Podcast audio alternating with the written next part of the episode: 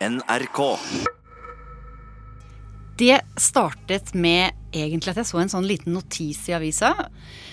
Og så oppdaget jeg denne historien om Daphne eh, fra Malta, som var faktisk akkurat like gammel som meg selv, født samme år som meg, i 1964. En trebarnsmor som blir sprengt i lufta fordi hun har en farlig jobb. En journalist som var på sporet av noe stort, ble myrda. Blåst i lufta av ei bilbombe. En forretningsmann sitter i fengsel, Han prøvde å rømme landet i yachten sin. og statsministeren sier han skal gå av. Flere av hans folk er mistenkt for å ha noe med drapet å gjøre. Og nå har folk flest fått nok. De går ut i gatene kveld etter kveld og roper mafia og mordere til politikerne sine. Malta er jo egentlig en liten ferieidyll i Middelhavet. Men er det også en reinspikka røverstat?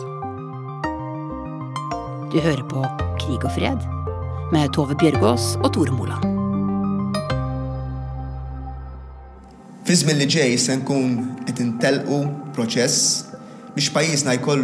Prim Mona Myklebust, hva tenkte du da du så at statsministeren på Malta gikk av som følge av denne saken?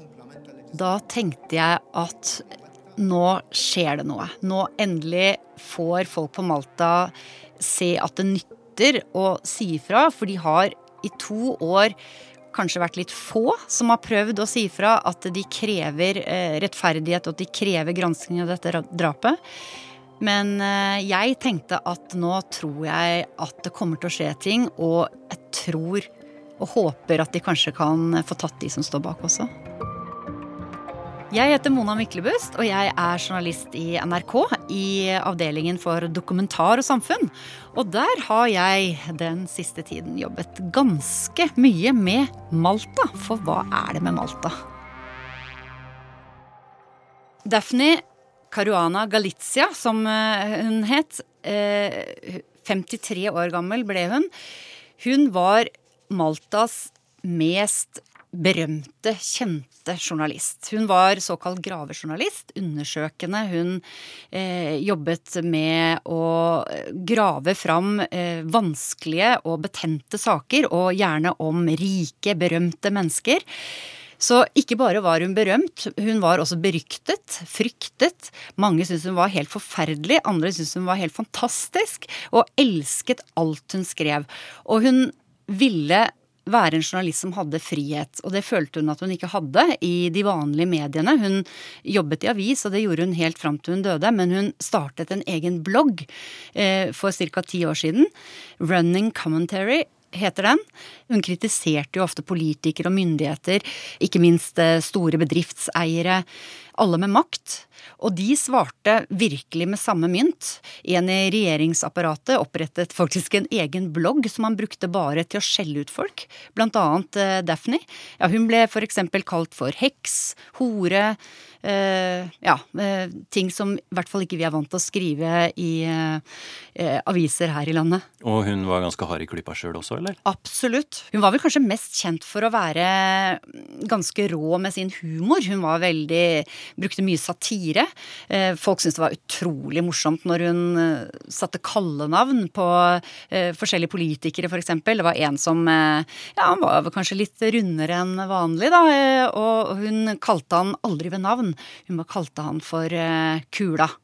Og, og sånn likte hun å gjøre, da. Og folk syntes det var utrolig morsomt. Men samtidig så provoserer det, og folk syns også at hun var veldig slem, rett og slett. Hva var det hun gravde i, da? Ja, De siste årene så er det jo det som vi i dag kjenner som Panama Papers. Og det dreier seg jo om avsløringer av Det er store penger og mektige mennesker. Og det er korrupsjon, rett og slett, på høyt nivå. Og noe av det hun pirket borti, var jo at mektige personer på Malta hadde sammenheng med kriminelle miljøer og var involvert i store korrupsjonssaker. Eh, og man vet jo ikke akkurat hvilken sak det er som gjorde at noen ble så sinte eller følte seg så truet at hun eh, ble tatt av dage. Men eh, at det har noe med Panama Papers, det er det vel mange som mener er ganske sikkert.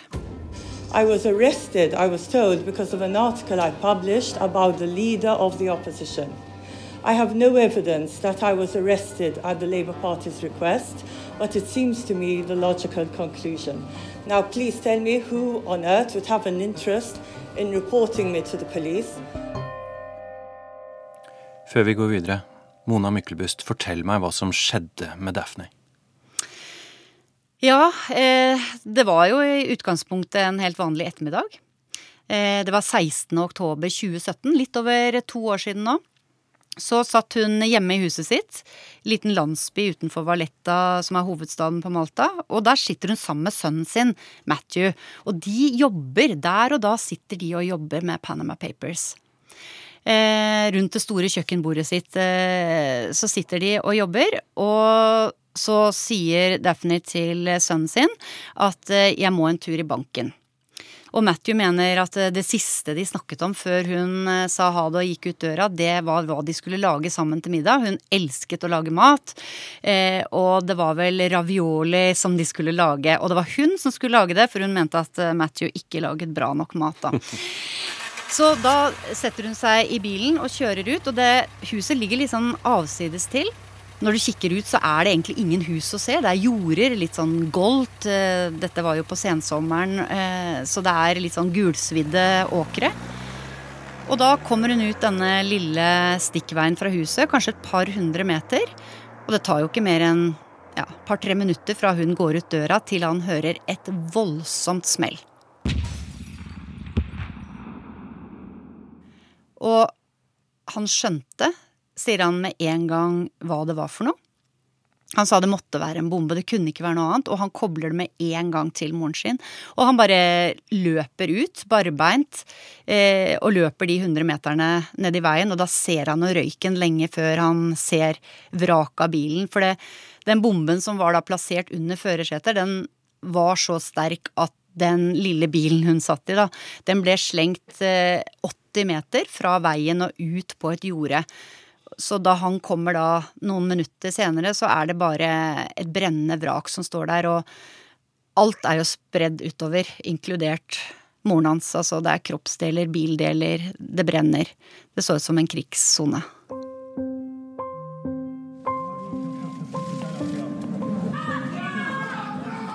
I am ready. I am ready and determined to do everything for, for the Jeg vil gjøre alt jeg kan for at sannheten skal komme for en dag, sier forretningsmannen med glattbarbert hode og en sigarett mellom fingrene. Men vil han egentlig det? Jurgen Fennek er mannen som forsøkte å rømme fra Malta i yachten sin, men som ble stansa av kystvakta. Siden har han blitt fengsla og sluppet fri fire ganger.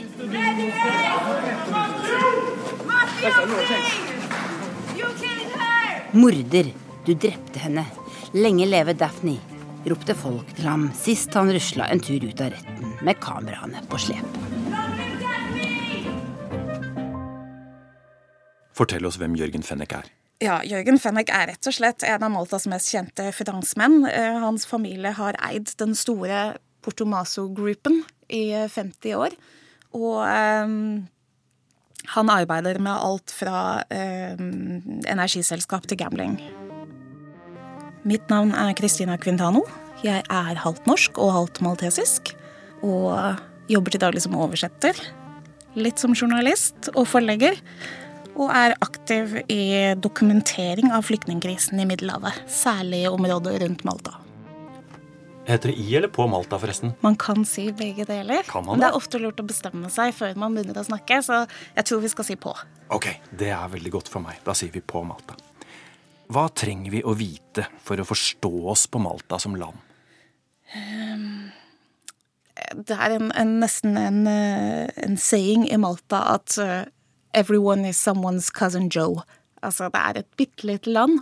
Alle kjenner alle. Og det vil jo si at i et land som er så lite, så skal det godt gjøres helt på ordentlig at ikke noen er gift med fetteren til noen eller kjenner noen, og det er helt vanlig at man får eh, jobb eller andre goder fordi man eh, kjenner noen. Så derfor så er jo også dette med Eh, det er ikke noe rart i at man f.eks. har ansatt eh, noen man kjenner som stabssjef, eller at ministre kjenner hverandre både på privaten og Fordi det er så lite, rett og slett? Ja. Men hva betyr det? At de ikke trenger å være korrupte av den grunn? Eller at det bare at korrupsjonen er så, så utbredt at alle aksepterer at den fins? Jeg tror nok eh, korrupsjonen er så utbredt at man aksepterer at den fins. Men på mange måter så var korrupsjonen også enda verre på 80- og 90-tallet. Sånn at eh, Malta har alltid vært et ganske korrupt land. Men det er et europeisk land. Vi er ikke vant til at journalister blåses til himmels, og at statsministre må gå av pga. det. Nei, dette er, uh, uvan dette er veldig uvanlig uh, på Malta. Men uh, det som er spesielt, er at drapet på Daphne Caruana Galizia markerer den sjette bilbomben på Malta siden begynnelsen av 2016. Men det er den første der offeret ikke var en kjent kriminell, og den fjerde som endte med døden. Sånn at I begynnelsen så var man nok ganske overbevist om at dette var et drap som var utført eller bestilt av noen som hadde tilknytning til mafia, fordi bilbombe er en typisk mafiametode å, å kvitte seg med noen. Og det er jo ingen tvil om hvem som fysisk har utført det. Men, eh, men så er det jo dette som nå begynner å nøstes opp med hvem som har bestilt det. Og det er jo altså en true crime story som eh, nesten ikke ligner grisen, altså. Og som i enhver god mafiastory så begynner man med å follow the money, og så har man ballene rullende. Ja, altså Vi har en stabssjef hos statsministeren som da kanskje kan ha sett seg tjent med at en brysom journalist eh, forsvinner. Og så har vi en forretningsmann i dress og solbriller som forsøker å flykte i yachten sin. Det høres liksom ut som House of Cards som møter Miami Vice ute i Middelhavet et sted. Ja, og, og jeg tenker selv altså Only in Malta. Dette, dette er eh, absurd eh, på lik linje som det er trist. Um, for eh, to uker siden, den 14. november, så blir altså Melvin Tugma, en taxisjåfør, arrestert på hovedflyplassen i Malta med en koffert med 170 000 euro i kontanter. Det er en sporhund som, eh, som sniffer opp denne kofferten. Og han blir først anklaget for hvitevasking av penger. Og så i det første avhøret så sier han at han har informasjon om drapet på Daphne, og at han vil snakke hvis han får immunitet. Og det får han? Og det får han. Og det første han gjør, er å navngi Jørgen Fennek. Jørgen Fennek er en av Maltas mest kjente finansmenn. Han eier bl.a. noe som heter Portomaso, som kan sammenlignes med vårt Tjuvholmen, eh, med kasinoer og hoteller og gambling og en svær yachthavn. Han eier også Maltas hovedenergiselskap, som har kontrakt med myndighetene. Med andre ord en sentralmann på øya. Taxisjåføren Tuma hevder at han selv var den som var mellommannen mellom Fennek og de tre som fysisk utførte drapet. Han har altså kjørt pengene frem og tilbake. På akkurat denne tiden så tilbringer Fennek noen dager på søsterøya Gozo i skjul. Eh, og først så er det meningen at han skal fraktes ut av landet i fly. Så dropper de dette, og i stedet så satser de på hans egen yacht, som da ligger i hans egen havn i Porto Maso. Så klokken fem om morgenen den 20. november er han på vei ut av havna si, og så kommer han bare noen hundre meter ut før han blir stoppet av Armed Forces of Malta og brakt inn til avhør med det samme. Dakinhar li nażel mexxej ġdid tal-Partit Laburista jien mbagħad nirreżenja minn mexxej. Jeg skal gå av som statsminister i januar. Arbeiderpartiet må bare få tid til å velge en ny leder først, sier Joseph Muscat. En gang var han en stigende politisk stjerne, både på Malta og i EU. Nå er stabssjefen og flere av statsrådene hans mistenkte i en mordsak. Muscat må gå. Om han ikke går frivillig, kommer han til å bli tvunget til det, sier Corinne Vella, som er søstera til Daphne, den drepte gravejournalisten. Hva med denne statsminister Josef Muscat, som da nå har eh, kunngjort at han eh, vil gå av i januar? Ville Daphne Caruana Galicia sett på det som en seier? Ja, hun ville sett på det som en seier. Og øh, hun, hun øh, mislikte sterkt både Joseph Muscat og hans kone Michelle, og har de siste årene nøstet opp flere og flere selskaper eh, hvor hun har knyttet ulike selskaper til eh, både statsministeren og hans kone. Nå er det uvisst hvor mye hold det er i akkurat dette, for det er jo en del av etterforskningen. Men, eh, men hun var jo den første på Malta som skrev om Panama Papers allerede i 2016, og linket disse tett på både statsminister Joseph Muscat og hans kone. Det er veldig viktig å, mm, å plassere hvem denne Joseph Muscat var for uh, Labour Party. Fordi han er um, fortsatt i, i, dag en godt likt statsminister. Han kom inn som et friskt pust med løfter om uh, å jobbe mot korrupsjon. Samtidig så er det jo da folk, hans stabssjef og nære folk i hans krets som eh, mistenkes for å ha vært involvert i dette drapet og ha beordra det. Hvor høyt opp tror du det har gått?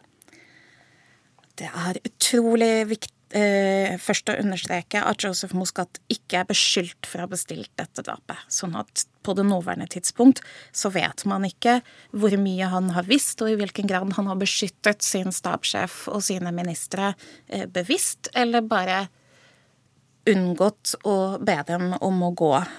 Um, nå har han sagt at han vil tre av i midten av januar, og at det er en naturlig og nødvendig prosess for å ha tid til å velge en ny partileder. Men um, jeg vet ikke. Min personlige magefølelse velger fortsatt å tro at dette ikke er eh, et, et, drap Joseph Muscat verken eh, ville ha ønsket seg.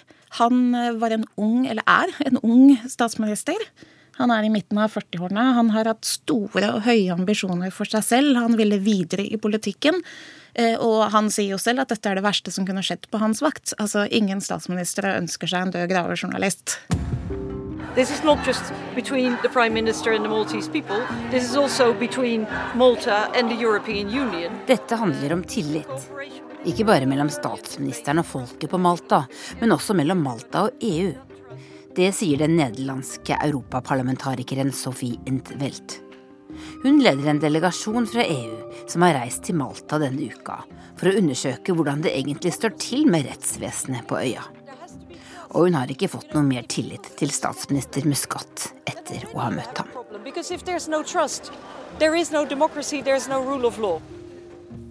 Hei, dette er Philip Lote, europakorrespondent, som da også har ansvar for å dekke det som følger med på det som skjer eh, på Malta, det minste landet i eurosonen.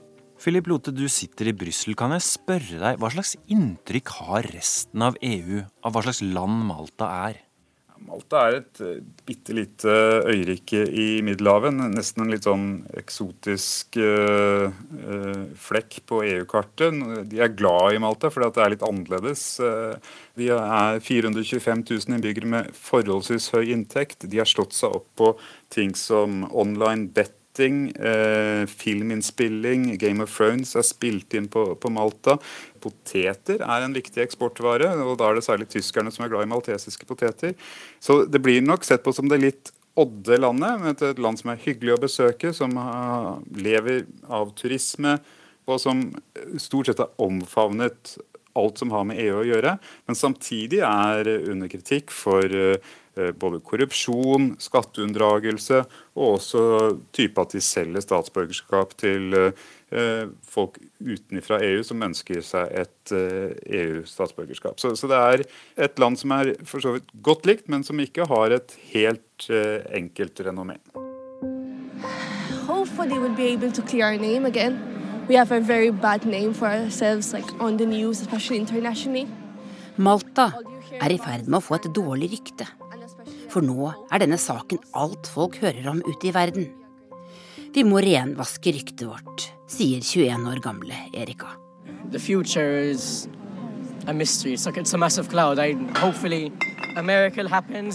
Framtida er et mysterium. Forsvunnet i en mørk sky, sier Malcolm, som er student og 19 år gammel. Han har mista troa på både politiet og politikerne. Mona Myklebust, hvordan har inntrykket ditt av Malta endra seg av å jobbe med denne saken her? Ja, det må jeg si har endret seg veldig. Jeg har jo faktisk vært der på ferie vet du, med, med familien for noen år siden. På badeferie. Det er litt, litt sånn eventyraktig å komme dit. Eh, og Valletta er jo som en sånn by som du nesten ikke trodde fantes. Eh, hvert eneste gatehjørne er det en gammel, gammel kirke eller gammelt, gammelt bygg. Eh, vakre brostein i gatene, og, og, så er det de nydelige strendene og det varme vannet, da. Ja, virkelig utrolig fint sted å dra på ferie, og det er det jo masse nordmenn som gjør, og mange andre. Rett og slett fordi det er så vakkert. Men det må jeg si har forandret seg litt eh, etter denne historien. For det er så mye som er eh, veldig, veldig pent på utsiden, og som er veldig råttent på innsiden. Christina Quintano, hva er det beste med Malta, egentlig? Det beste med Malta er den utrolige historien denne lille øya har. Altså plasseringen midt i Middelhavet eh, gjør at Malta har vært eh, Eh, en hub og har vært både beseiret og beleiret av eh, nesten hele verden og fra alle kanter. De var det mest bombede landet under andre verdenskrig og har en helt unik evne til å reise seg. Og jeg tenker at den erfaringen kommer til å gjøre at de kommer til å reise seg etter dette også. Du har hørt Krig og fred fra NRK Urix. Lydregien var ved Hans Ole Hummelvold. Il pinna, turba. The pen conquers fear. Eller pennen overvinner frykten.